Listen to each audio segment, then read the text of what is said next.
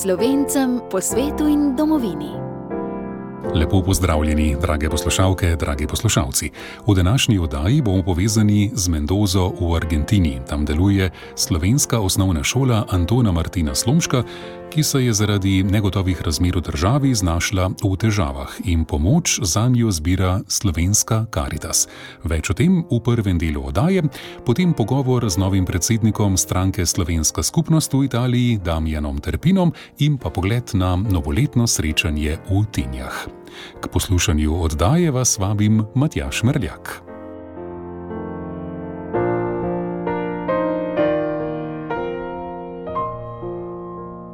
Slovenska Caritas prosi za finančno pomoč za slovensko osnovno šolo Antona Martina Slomška v Mendozi v Argentini. To je edina slovenska šola v Latinski Ameriki.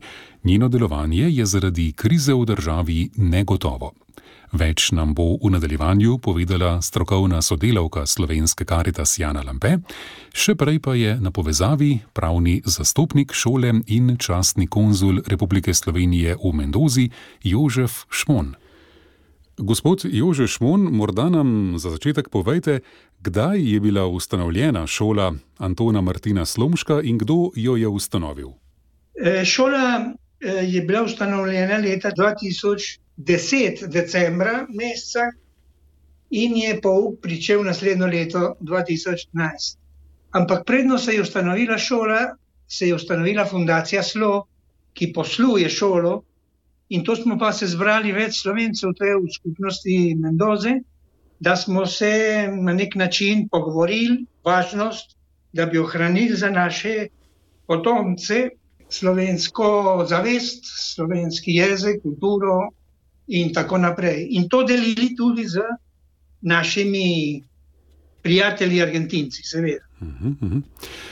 V fundaciji Slo smo Slovenci, ja. vsi ali eh, rojeni tukaj, največ, ne? že po vojni, potomci naših prednikov, ki so se naselili zaradi vojne v Argentino. Uh -huh. In lep del se je tudi priselil tukaj v Mendoza. Mendozo, seveda pod Andeolip gorski svet, ki je blizu slovenskemu. Um, ali poleg te šole Antona Martina Slomška v Mendozi morda deluje tudi sobotna slovenska šola, kot poznamo te sobotne slovenske šole iz Buenos Airesa? Ja, tako je.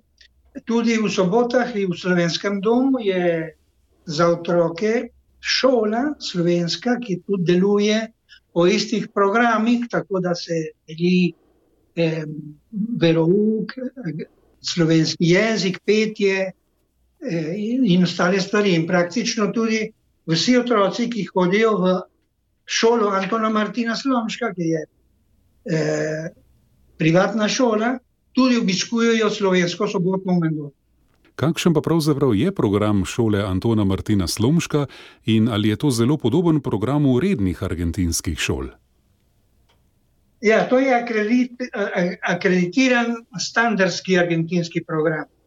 In v tem je potem vključeno, eh, kar je koprogramatsko, predmeti kot je slovenski jezik, kultura, verouk, eh, književnost naša. In to je eh, podano potem na mm, pol urah, kako se pač more to prilagoditi v argentinskem sistemu.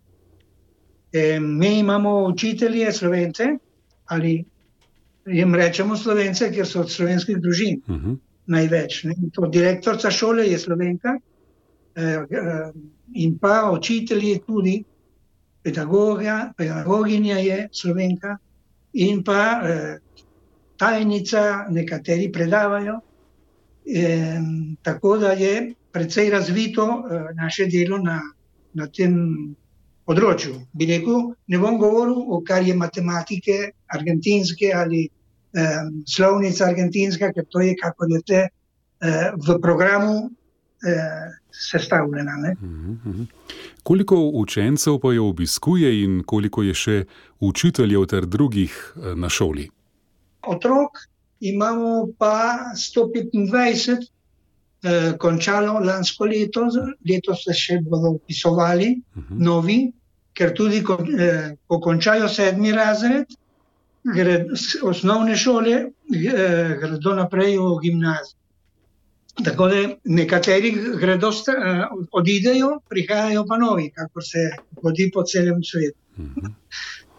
In imamo to, eh, 125 otrok in 26 pa oseb, docentov, eh, tajnika za zdrževanje, za knjigovodstvo, eh, za vse druge potrebne zadeve, ki v vseh šolah eh, rabimo. Ne? Zdrževanje prostorov in tako naprej. Kakšno pa je zanimanje za šolo med slovenci in morda se zanimajo tudi iz drugih narodov? Ja, iz slovencev imamo kar nekaj družin, eh, ki sodelujejo, ki imajo otroke v šoli, eh, tudi drugih narodnosti, ker Argentina, kot pravijo, je nesorte talilni lonec, krisol de rasa, pravijo po argentinsko. Eh, ker je Argentina je vsa posajena z emigrantov eh, iz Evrope, največ italijanov, špancov, potem v drugih manjšinah, so pa tudi francozi, nemci, slovenci in tako naprej. In če ti pogledaš, recimo, v, eh, zdaj že ni tako telefonski menik, ki prej je bil na papirju, zdaj je vse bolj eh, po, eh, po internetu, je primkov zelo veliko eh, evropejcev, različnih, tudi Ukrajincev, tudi Rusov, tudi Poljakov, vse sorte. Imamo tle, recimo eh, v Mendozi, eh, imamo predstavno, predstavstvo 26 konzulatov v eh, konzulatu različnih držav, tako Latinske Amerike kot Evrope. Mhm. In to je ena eh, mera, koliko drugih ljudi, drugih narodnosti se tukaj, eh, jih tukaj imamo. Ne? In seveda od teh nekaj hodijo z nami, tudi Argentinci, prihajajo in se tudi zanimajo za naše običaje, za naše, naš način življenja. Mhm. Je tudi eh, organiziran en družinski klub, ki ga vodijo starši v tej klubi in tam imajo različne teme, mesečne vzgoj, eh, so vzgojna srečanja, imajo razvedrila, izlete, izlete v naravo, različne združevanje za Asado, kar je nekaj zelo važnega tle, tudi kar se dobijo, da je Asado kot ena sorte pečenica slovenska, ampak to je pa naravno. Uh -huh, uh -huh. in, in to se veliko dogaja in to druži. Uh -huh. In na nek način eh, družino, eh, do šolsko družino, večja, kar imamo v želji. Eh, za tudi za naprej, za upodočnost. Ja. Omenili ste torej veliko narodnosti, živi v Argentini. Eh, kako pa je dejavna slovenska skupnost v Mendozi? E, je zelo dejavna.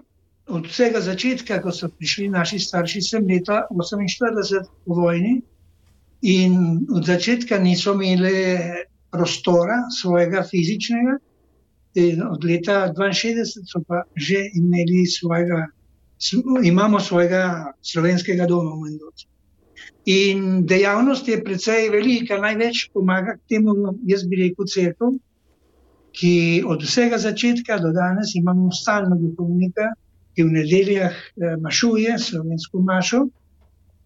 In po maši je pa razgovor, se pripravljajo um, dela, kaj se bo delalo med tednom, ali večje programe, eh, kot je pevski zbor, to je najbolj stara ustanova pri nas.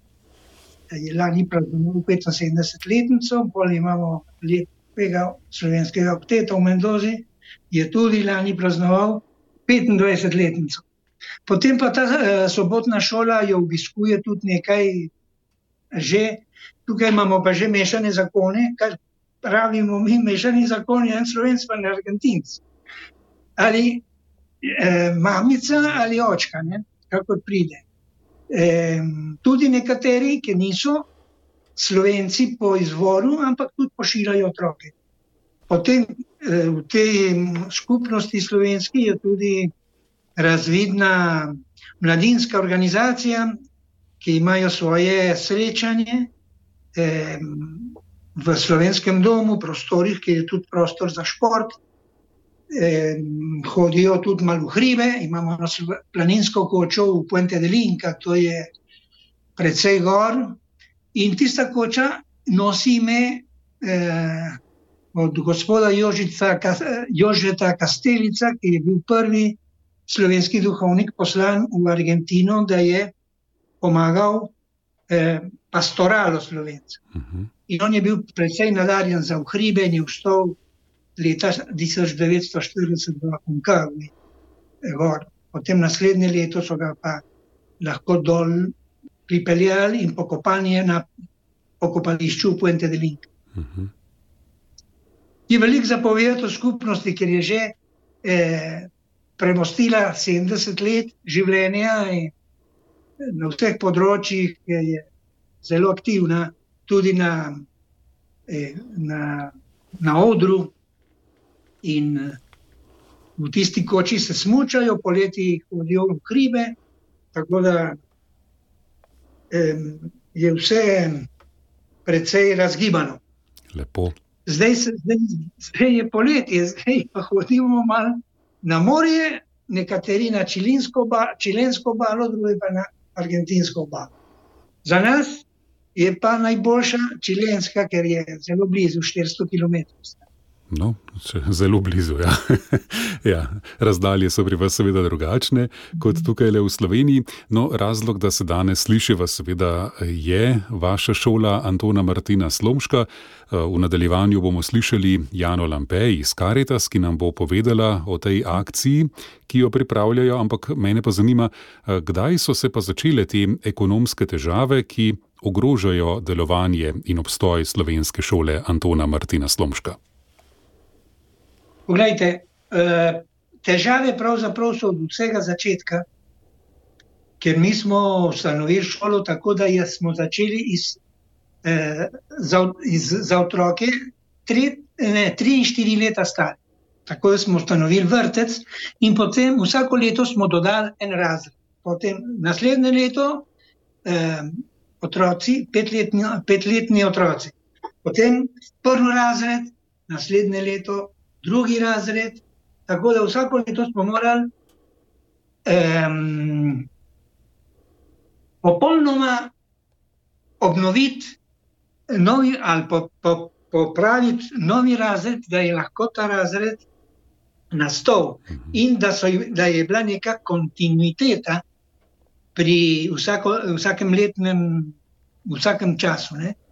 In uh, pravzaprav vedno smo imeli težave, ampak lansko leto, sredi leta, se je pa stvar zelo poslabšala, ker velika inflacija v Argentini je povzročila, da starši so nehali plačevati mesečnino.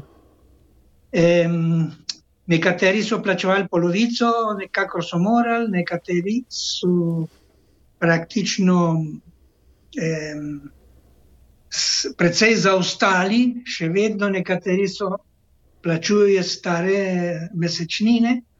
In eh, pogledajte, kar smo mi dali v javnost, tisto eh, akcijo za pomoč. Novembra meseca je bila inflacija v Argentini 170 odstotkov. Zadnja v mesecu decembru, samo za mesec decembr, je bila 25,5 in letna 211 odstotkov. Tako da tudi ne vemo, kako bo to zadeva šla naprej, ker pride, ker smo imeli volitve in 10. decembra lansko leto imamo novega predsednika, novo vlado in zdaj se pa stvari eh, ne vemo tudi, kaj bo z nami, kaj bo z Argentino, recimo, ne, ker so zelo eh, komplicirane eh, ekonomsko-socialne zadeve, ker napovedujejo tudi, mogoče se mečkam oddaljim od vašega vprašanja, ampak je vse povezano z kaj, kaj se bo zgodilo z to novo pot, ki zastavlja nova vlada. Uh mhm. -huh. Tako da smo zelo odvisni od tega. Ne samo, ne samo mi, ampak tudi druge šole. Ne? Mi pa prav posebno zaradi tega, ker eh, imamo to težavo s starši, ker so praktično srednjega sloja, skoraj vsi so srednjega sloja in nimajo drugih sredstev, da bi lahko nadaljevali s plačevanjem. Ja, razumem. Tako no. smo vsi zaskrbljeni, zelo, zelo zaskrbljeni in gledamo to, kar smo že praktično, kar smo ustanovili fundacijo za, eh, za potem ustanoviti šolo, vse skupaj že 15-16 let delujemo. In saj to je za nas ena od glavnih um, izzivov za naprej. Uh mhm. -huh. Da to ne bo zamrlo, da to moramo hraniti in da to na ta način um, bo uh, slovenstvo v Andi ostalo za prihodna leta in desetletja. Ja, torej, razmere, v katerih živite, so zelo negotove, in pravzaprav, kot slišimo iz vaših besed, ne veste, kaj bo prinesel jutri. Zaenkrat eh, torej, čakate in gledate, kaj prinaša prihodnost. Mi vam, gospod Jože Šmon, seveda vam in slovenski skupnosti v Mendozi želimo svetlo prihodnost in upamo, da bomo s pomočjo te akcije, ki jo je pripravila Slovenska Karitas, Slovenci velikodušno pomagali k temu, da bi šola Antona Martina Slomška v Mendozi živela in uspešno delovala še naprej. Hvala za današnjo povezavo in za predstavitev šole. Hvala vam in lep pozdrav vsem poslušalcem Radia Ognišče. Poslušate podcast Radia Ognišče. Podcast Radia Ognišče. Poslušate oddajo Slovencem po svetu in domovini.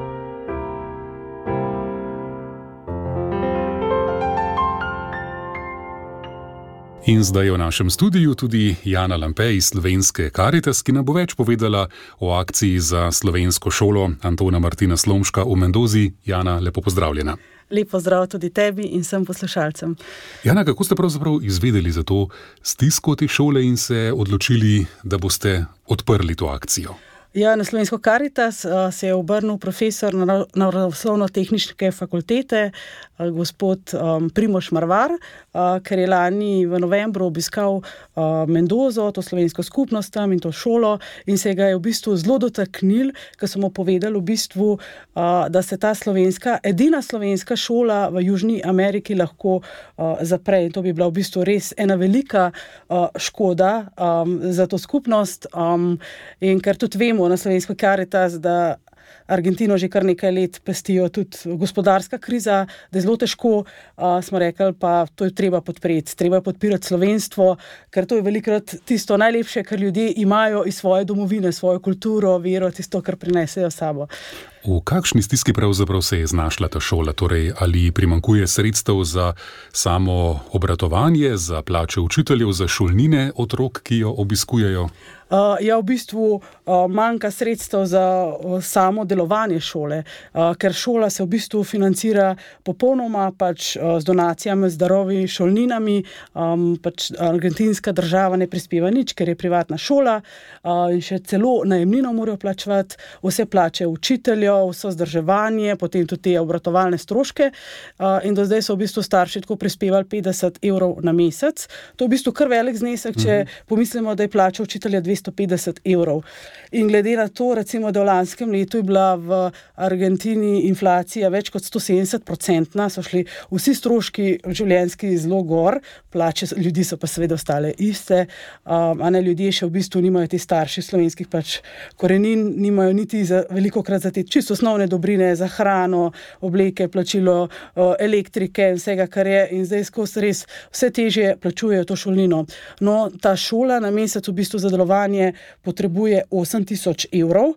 tako tisto, kar zdaj dobijo, nekako tudi neka podpora je, je okrog 3800 evrov in potem še zmanjka vsak mesec. To je pa za 12 mesecev kar velik strošek in v bistvu brez podpore Slovenije pač tega ne bojo več zmogli, sigurno v prihodnosti, ker se kriza nadaljuje v Argentini in zato res prosijo za podporo. Torej, nobene podpore strani Argentine ne dobijo, kaj pa morda podporo iz Slovenije? Vemo, da imamo uh, urad za slovence v zamestju in po svetu. Uh, tako je, dobijo pa, dobivajo podporo našega urada Aha. za slovence za mestu in po svetu. Lani so recimo prejeli 11.000 evrov. Seveda, to pa še vse ni dovolj, uh, da bi ta šola lahko delovala. Čeprav je zelo dragoceno to, ampak ja, potrebuje še kakšno drugo injekcijo. Uh -huh. ja, torej, zdaj najbrž vabite posameznike, uh, pa najbrž tudi podjetja, da se pridružijo tej akciji in pomagajo šoli. Ja, tako je. Na slovenski karitas res vabimo vse, ki bi želeli podpreti podpreti to edino slovensko šolo v Južni Ameriki, da prispevate s finančnimi prispevki, posameznike, podjetja. Neki podjetji se je že odzvalo, tako da bomo v prihodnem tednu tudi nakazali prve darove v Argentino, tej šoli, ravno zato, da jim tudi pokažemo, da je upanje, da ne bodo obupali. Smo rekli, kar takoj, da imamo, kar smo zbrali, skoraj 4000 se je že nabralo, tako da smo zelo hvaležni, seveda pa glede na zneske, da je to za en mesec približno delno pokrijemo, se pravi, moramo še nekje dobiti sredstva za teh 11 mesecev, ker še manjka. Tako da res tudi spodbujamo slovenska podjetja, mogoče da tukaj pridejo nasproti tej šoli. Seveda pa vse ljudi uh, dobre volje, res vsak dar šteje in tudi na naši spletni strani uh, dobite vse podatke uh, za nakazilo, tudi preko QR kode je možno nakazati, to je zelo hitro, enostavno. Uh mhm. ja, ko, pred, ko ste pred dnevi objavili to novico, da zbirate za to šolo, so se pojavili tudi različni odzivi na družbeni družbenih omrežjih, nekateri se pravzaprav čudijo, da so se znašli v takšni stiski in da ta znesek, ki ga potrebujejo v primerjavi s slovenskimi šolami, sploh ni tako velik. Ne?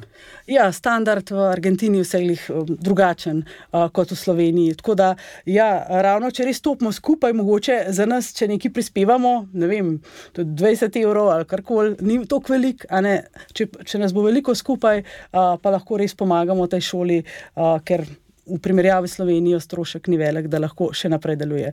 Mhm. Karitas podpira tudi sicer rojake, ki živijo po svetu, recimo prav za rojake v Venezueli ste pomagali oziroma še pomagate. Ja, tako je že od leta 2017 pomagamo na slovenski karitas slovencem. Pač potomcem slovenskih korenin, slovencem uh, v Venezueli, ker so se takrat obrnili na nas, ker je res v Venezueli je pa še precej hujša kriza um, kot v Argentini, uh, precej večja inflacija in praktično vem, uh, ljudje imajo pokojnine vem, ali pa plače uh, 10 dolarjev, liter olja pa stane toliko v Sloveniji, samo tako za primerjavo, kakšna kriza je to. Uh, in tako da smo z lastnimi izbranimi sredstvi na slovenski karitas, pa tudi več let uh, s pomočjo urada za slovence v zamestju in po svetu, podpiramo, v bistvu nakazujemo sredstva za preživetje. Ravno lani decembra nam je urad tudi nakazal 14 tisoč evrov, tako da smo že nakazali v Venezuelo. Naši dva predsednika dveh društv slovencev v Venezueli sta to že razdelila v bistvu med 27 družin to približno 600 dolarjev za pol leta preživetja, da imajo za te osnovne potrebščine. In tudi, seveda, hvala vsem, ki tudi darujete od posameznikov za ta namen, da lahko že vsa leta podpiramo to skupno za tiste, ki pač želijo tam ostati, velike, res tudi zelo starih ljudi, ki tudi mogoče poti repatriacije v Sloveniji bi jo zelo težko pač prenesli, preživeli, tako da so res zelo hvaležni. In to je ta misel, se mi zdi, ko čutiš, da nisi sam, ko čutiš to podporo za ledje iz Slovenije in to res ljudem daje veliko moči. In pa Karitas, če se ne motim, tudi podpirati rojake, ki so pa prišli iz Venezuele, ki so se repatrirali v našo državo. Ja, res je, od, od, že kar nekaj let, zdaj podpiramo od leta 2020, seveda tudi v podpori Urada Republike Slovenije za Slovence za mesto in po svetu. Repatriacijo je bilo že kar nekaj prek 100 ljudi repatriranih v Slovenijo, na slovenski Karitas res poskrbimo za namestitev, potem tudi za vse te socialne storitve, tudi pomagamo pri zdravstvu, pri šoli šolanju, ker so tudi otroci uh, med njimi, tako da je eno veliko delo. Tudi zdaj v teh dneh uh, prihajajo še novi ljudje. Um, V Slovenijo iz Venezuele ta, in še bo potekala ta repatriacija. In tudi o, včasih s temi sredstvi, ki jih darujemo za, v Venezuelo, si ljudje tem, s tem lahko potem uredijo dokumente, potne liste, vse, kar je potrebno, da lahko pridejo. Tako da je ena taka uh, povezava skupna, eno, eno lepo delo. No. In tudi ti, ki so repatrirani v Sloveniji, so se lepo pač oživeli v našo uh, družbo in so res zelo hvaležni, ker so bili tako toplo uh, sprejeti, nekateri tudi seveda že delajo tako starejši, uh, pa pač nekateri tudi so prostovoljci na slovenski karitas in pomagajo nazaj, ker recimo pošiljamo tudi nekaj zdravila v Venezuelo, recimo, da nekaj pri, želijo nekaj uh, prispevati nazaj za vso pomoč, ki so jo bili deležni. Tako, če se zdaj vrnemo v Argentino, v Mendozo, ne, torej danes govoriva o tej akciji o pomoči slovenski šoli, ki nosi ime po našem prvem blaženem, po Antonu Martinu Slomško, ne, in res lepo število otrok, tudi v vrtu in osnovni šoli jo obiskuje, kot smo slišali slišali tudi v pogovoru z rojakom iz Argentine. Eh, čeprav so zdaj tam počitnice, pomoč zbirate, prav je, ker ti novo šolsko leto se bo hitro začelo in potrebujejo ta sredstva. Ne? Tako je, ja. res še enkrat vabimo na slovenski karitas vse, da preskočijo. Uh, na pomoč tej osnovni šoli Antona Martina Slomška v Mendozi v Argentini in tako prinesejo nekaj upanja, uh, tako za mladi rod uh, slovencev, kot seveda tudi starejšim generacijam, ker ta šola je res uh, kvalitetna, dobra um, pač, uh, in starši so zelo veseli, da njihovi otroci lahko hodijo v to šolo in tudi seveda gojijo slovenski jezik in tudi slovensko kulturo. Torej, vabimo vse, torej posameznike in podjetja. Več informacij na spletni strani karitas.si. Kaj pa za tiste, ki morda niso tako vešči interneta, lahko morda jutri v ponedeljek do povdne pokličajo na karitas, na katero številko? Ja, tako je, lahko nas pokličete na številko nič 1, 3, nič, nič, 5, 9, 6, nič, poveste svoje podatke in vam pošljemo položnico. Res iz srca hvala za vsak dar. Torej, drage poslušalke, dragi poslušalci, skupaj pomagamo, pomagajmo slovenski šoli Antona Martina Slomška v Mendozi. Jana, hvala za obisk v studiu. Hvala tudi tebi, Matjaš. Poslušate podcast Radio Ognišče. Podprite nas svojo oceno.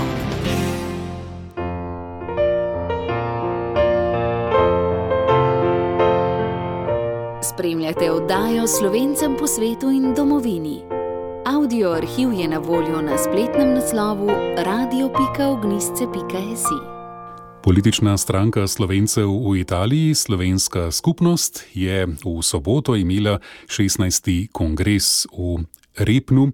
Delegati so za novega predsednika, deželnega predsednika, izbrali nekdanjega tajnika, uveljavljenega odvetnika Damjana Trpina, ki je zdaj tudi na naši povezavi. Gospod Trpin, eh, najprej čestitke za izvolitev.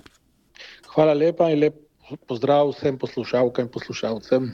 V prvem odzivu ste na Twitterju oziroma X-u zapisali, da boste delali, da bo slovencem v Italiji in nasploh bolje in da računate na odločno pomoč rojakov, strank in institucij iz matične domovine. Kaj vse ste imeli v mislih in kakšne so prve reakcije bile po, po izvolitvi? No, eh, slovenska skupnost je stranka slovencev v Italiji in se prvenstveno bori za to, kot sem povedal, da bi bilo slovencem v Italiji dobro. Smo pa seveda istočasno tudi del slovenskega naroda in da ne bo nesporazumov, tudi to sem zapisal, je naša matična domovina Slovenija. Uh mhm. -huh. Vsako dodatna beseda na tem področju je seveda preveč odveč. E, nam gre za to, da imamo seveda dobre odnose z ljudmi v Sloveniji, predvsem z državnimi institucijami, z institucijami države naš, Slovenije, ki je naša matična domovina, kot rečeno. In v tem smislu seveda iščemo dobre odnose tudi s političnimi strankami, v slovenskem državnem zboru. Zdaj, eh, kaj je na teh odnosih in kaj si pričakujemo, je, bi rekel, precej eh, jasno. Eh, Slovenija velja nekako za našo, seveda, zaščitnico, tako kot je recimo Avstrija zaščitnica nemško govoreče manjšine na Južnem Tirolskem. In pričakujemo od države Slovenije njenih institucij, predsednika republike, predsednika vlade, zunanjega ministra, ministra za slovence v zamestu in po svetu, državnega zbora, komisije za slovence v zamestju in po svetu in tako dalje, pač ustrezno podporo našim bitkam za političnim bitkam, ki jih bijemo tukaj v zamestju v Republiki Italiji, kjer pač živimo. -huh. V prvi vrsti gre za udejanjenje zaščitnega zakona, po drugi strani pa gre tudi za podporo naši manjšini na vseh ravneh, tudi materialno, ki jo manjšina potrebuje.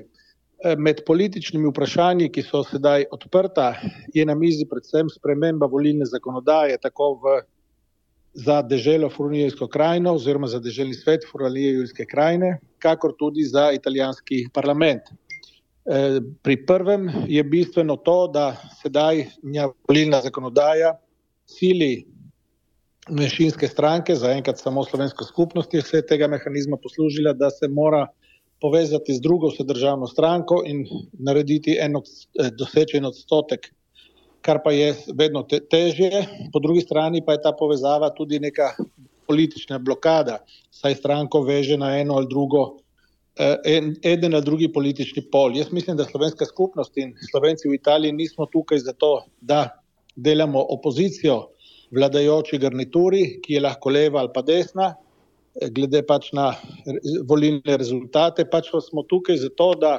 poskušamo vse pogovarjati z oblastjo, z večino, ki je trenutno na oblasti in pri njej iskati neke kompromise, neke, eh, bi rekel, dogovore, neke rezultate in ne glede na to, kakšne barve je ta večina. Mi si prizadevamo za to, da bo slovencem v Italiji bolje in to bolje nam ga lahko da leva ali desna večina, tista, ki pač je, ampak ne moremo več živeti na eh, mišljenju, da samo levica na oblasti lahko nekaj da slovencem in desnica, ki je na oblasti, samo lahko škodi slovencem, ker dejstva ne govorijo več v tem smislu in mislim, da je to dobro. Da se levica in desnica nekako zanimajo in so odprt, odprti za, do naše manjšine. E, primeri te odprtosti na ravni desne sredine, ki so nas seveda prijetno presenetili, so številni. Torej, po eni strani že omenjena volja po spremembi volilnega zakona, ki bi manjšini olajšal izvolitev v državni svet. Istočasno tudi bi lahko prišlo do spremembe volilnega zakona na nacionalni ravni, kjer ne moremo izvoliti samostojno enega poslanca, pač pa nam ga določajo, seveda, vse državne stranke v Rimu, kar, prav, kar ni pravilno, ni prav. E, po drugi strani je tukaj e, odprtost države Furnijske krajine, da spet vzpostavi e, administrativno upravno raven pokrajin. E, ta upravna raven oziroma pokrajine so v preteklosti odigrale izjemno pomembno vlogo pri zaščiti manjšine in njenega teritorija, kjer živi tako na Goriškem, kot v, na Tržaškem, deloma tudi v Videmski pokrajini. Mhm. Zato ocenjujemo, da je odprtost, recimo zlasti Severne lige na tem področju, dobrodošla novica. In manjšina mora nehati, eh, kot sem že prej povedal, eh, razločevati dobro in slabo z desnim ali levim dobro je, kar pride za manjšino dobro, pa če pride z levice ali desnice, in slabo je, kar je za manjšino slabo, pa če pride iz levice ali desnice. In ta, to, nova, ta nova, novo politično eh, ozračje moramo znati zelo previdno sicer pravilno interpretirati in tudi povleči poteze politične, ki nam omogočijo, kot sem na začetku dejal, da nam bo bolje. Mhm. Ja, na sobotnem 16. kongresu stranke Slovenska skupnost. Politične stranke Slovencev v deželi Furlaniji Julijski krajini so delegati, torej vas, gospod Trpin, izvolili za predsednika, za tajniško mesto pa je bila izvoljena Fulvija Premolin, tudi prva ženska na tem položaju. Zanima me, kakšna pravzaprav je funkcija enega in funkcija drugega. No, da se razumemo, eh, glavna politična funkcija v stranki je ta politični tajnik stranke, oziroma sedaj politična tajnica. Eh, funkcija predsednika je, bi rekel, bolj reprezentativna funkcija. Eh, nekako pa smo se dogovorili, da bi sam skrbel tudi za vzpostavitev, ponovno, oziroma utrditev vseh tistih povezav, ki jih je svoj čas slovenska skupnost imela bodi si pri političnih strankah na nacionalni ravni v Rimu, bodi si pri Južnih Tirolcih, ki so pravzaprav naša, naše zastopstvo v rimskem parlamentu, bodi si se političnimi strankami in institucijami v Sloveniji, z rojaki na Koroškem, z manjšinskimi organizacijami v Bruslju in seveda z evropskimi poslanci, ki nam tudi večkrat pomagajo. Zdaj, ti stiki so obstajali, potem so se, bi rekel, v zadnjem času malo razrahljali in jih je, po mojem oceni, potrebno na novo utrditi. Prvi odzivi, ki jih dobivam od naših nekdanjih prijateljev, oziroma prijateljev, ki so še vedno prijatelji od nekoč, ampak za katere, seveda, so se, kot sem povedal, ti te vezi malček zrahljali, so zelo dobri, ker nekako imajo v spominu preteklo, naše preteklo delo in lahko mislim, da stranki dosti pomagam na tem področju. Seveda je na ramenih eh, politične tajnice, da stranko vodi, da določa nekako politično linijo, smo pa se tudi dogovorili, da gre tukaj za ekipo štirih vodilnih, predsednik, tajnik, podpredsednik in podtajnik. Imamo za podpredsednico Franko Padovan, županjo v Števerjanu, in imamo za potajnika Beneškega rojaka Miho Korena, tako da mislim, da bo vsa ta ekipa skupaj seveda z deželnim svetnikom Markom Pizanjem, ki je najviše izvoljena funkcija, najviše izvoljena funkcija, ki jo imamo v stranki.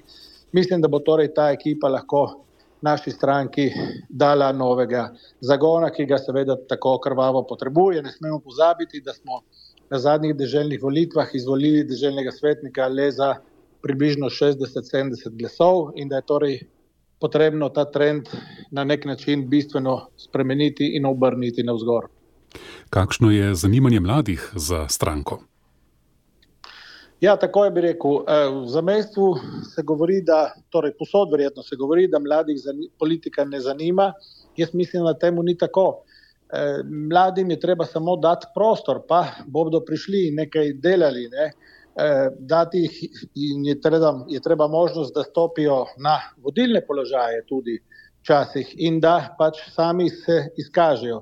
Če gledam zadnje čase razne, eh, bi rekel, tematske politične večere, ki se dogajajo tukaj v zamestju, na Goriškem in v Tržaškem, je vse polno mladih obrazov, ki jih pravzaprav sam tudi niti ne poznam, večinoma, žal, in ki so angažirani, ko se oddiskutira o politiki, o politiki v Sloveniji, o politiki v zamestju, o politiki v Italiji, v Evropi in tako dalje. Skratka, že to je signal, da eh, mladim je treba dati prostora.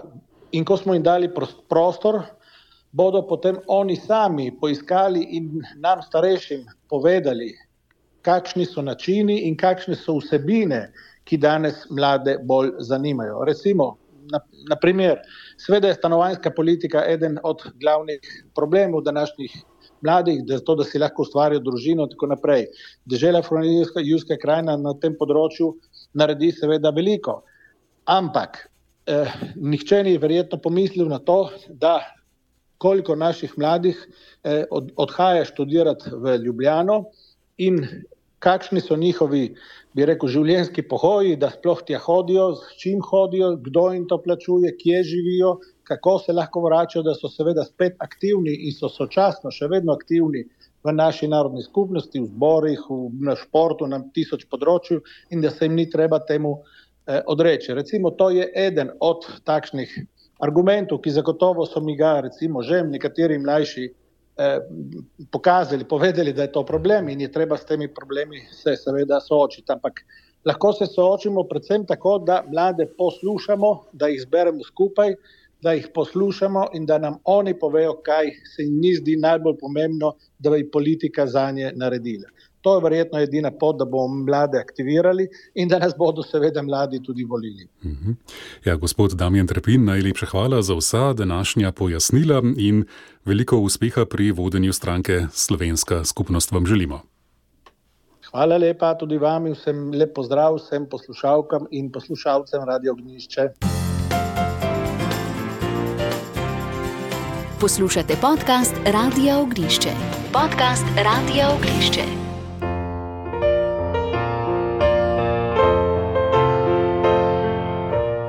Na radiju Ognišče poslušate oddajo Slovencem po svetu in domovini.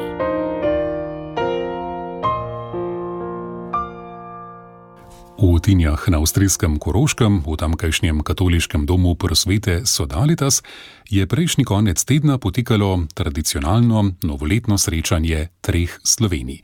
Naslov je bil Viri slovenskih vrednot nekoč in danes. Prvi dan sta o jeziku govorila dr. Matija Ogrin in dr. Herta Maurer-Lausegar. Sobotno popovdne so oblikovali mladi, zvečer je bilo odprtje razstave Marte Kunaver in koncert v kapeli Tinskega doma. V nedeljo pa sta bila gosta Škofa, dr. Andrej Saje in dr. Jože Markec, ki sta govorila o sinodi in tudi darovala sveto Mašo. Srečanja se je udeležil tudi naš novinar Alen Selihovič in pred mikrofon povabil rektorja Tinskega doma Jožeta Kopajnika. Gospod Kopajnik, tokrat ste na tinskih dnevih v spredje postavili besede viri slovenskih vrednot nekoč in danes. Govorili smo tako v slovenskem jeziku nastanku le tega, pa predvsem o tem, kako pomembno je, da se zavedamo govoriti slovensko, govoriti v jeziku, ki nam je bil položen v zipko. Kako gledate torej na letošnjo izvedbo tinskih dni, predvsem na pomen jezika, ki se mi zdi, da se ga v današnjem vse bolj globaliziranem svetu, ko prevladuje internet, ko prevladuje angliški jezik, vse manj zavedamo? Ja, to je moja srčna želja, bila, ker sem pa zapravo temu, da dal jaz, pa smo v skupini potem svira diskutirali. Meni osebno beko se tudi zdi ta vrednota vedno bolj važna. In sicer na Koroškem je bilo po drugi svetovni vojni, pa ko je bil pa čas preko hudega pritiska, tudi po vojnih letih, ko so nam bičali v glavo, ena plus ena je nič, to se pravi, kdo jezi, govori dva jezika, je manj ureden. Zato ta beseda manjšina, jaz se nočem slišati, mi smo narodna skupnost na Koroškem. Jaz vedno govorim o slovenski pa nemški narodni skupnosti, ne o večini pa manjšini. Ker to je pejorativen izraz, ne. In potem pa vedno bolj spoznavam tudi, kako bogata je slovenščina. Beko, če analiziraš, beko, nekaj besed, imaš vso filozofijo, pravzaprav v vsakem jeziku je tako, ker jezik je filozofija nekega naroda z vsemi zgodovinskimi preizkušnjami, z izzivi in tako vsako pleme oblikuje, beko, svoj jezik, se zna izraziti, to se najbolj čudim, recimo sem slišal od nekega afriškega plemena, to mi je neki misijonar mi to pravil, imajo dvajset izrazov za čas. Kar se zdaj godi, kar se je godilo včeraj ali pa pred par dnevi.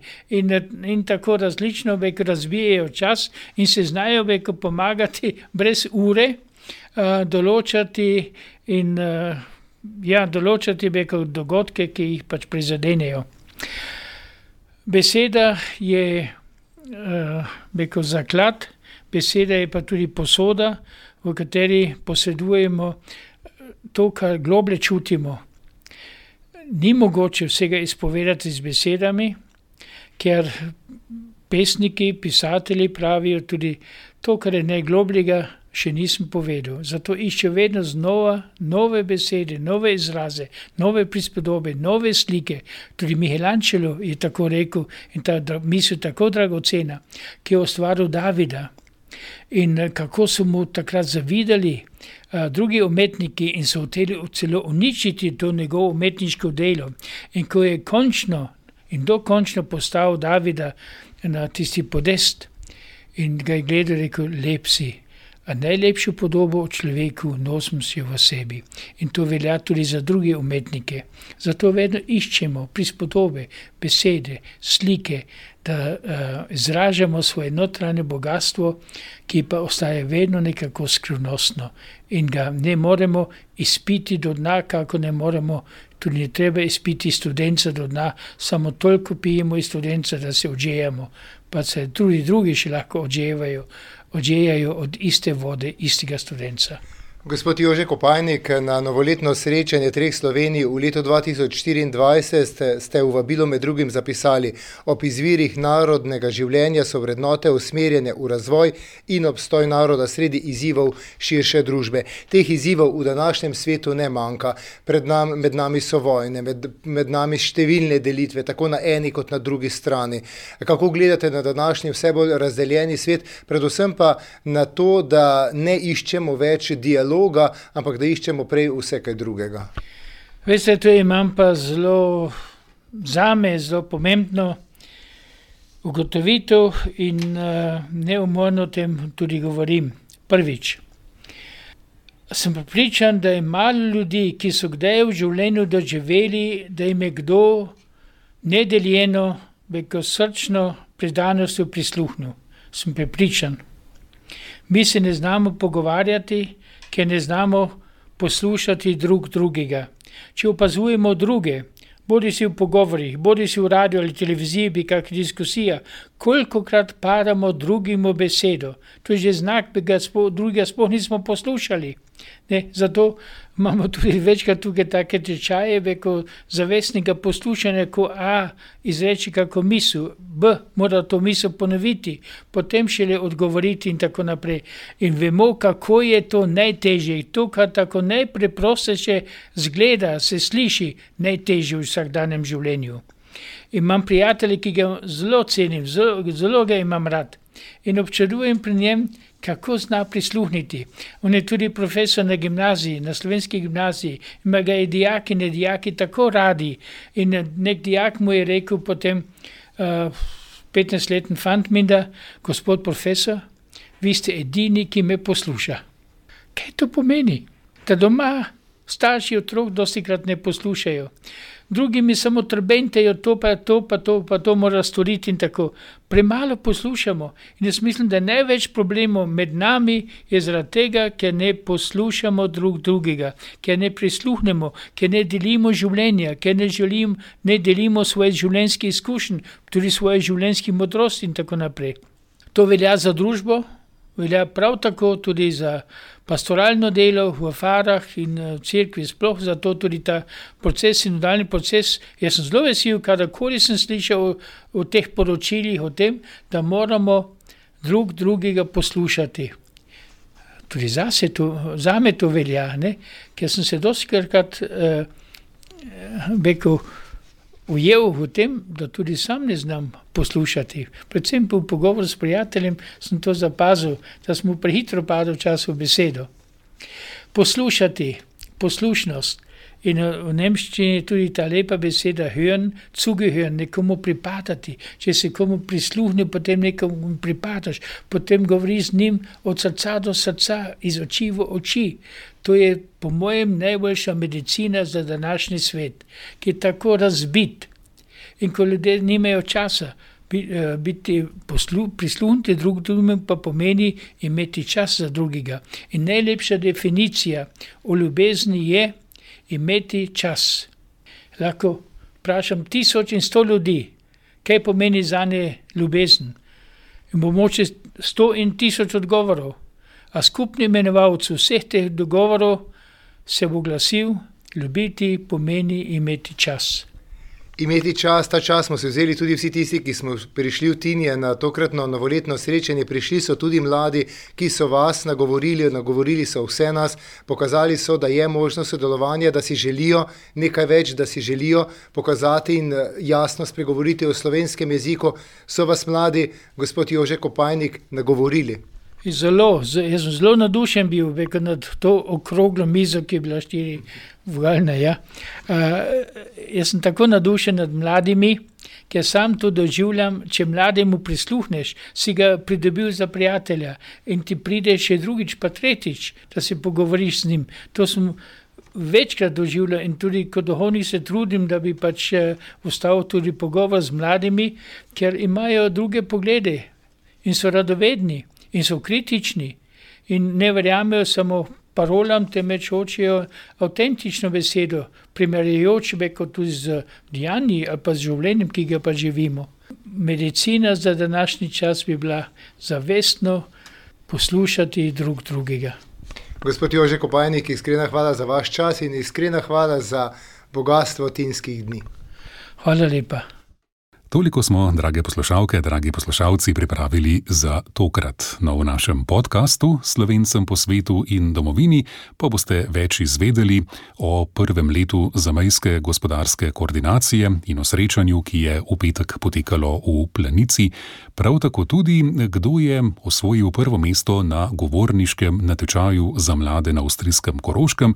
Naj povem, da bodo nagrajenca razglasili jutri v celovcu ob podelitvi Tišlerjeve nagrade, to bo prejel Karl Smole. No, in o tem bomo seveda tudi več poročali v našem podkastu in pa danes teden v naši oddaji. Za pozornost se zahvaljujem Matjaš Mrljak in do naslednjič želim vse dobro in z Bogom.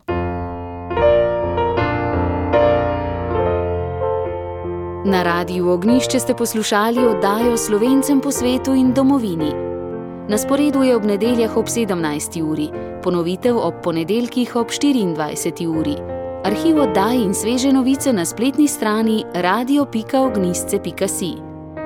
Oddajo sofinancira Urad Vlade Republike Slovenije za slovence v zamejstvu in po svetu.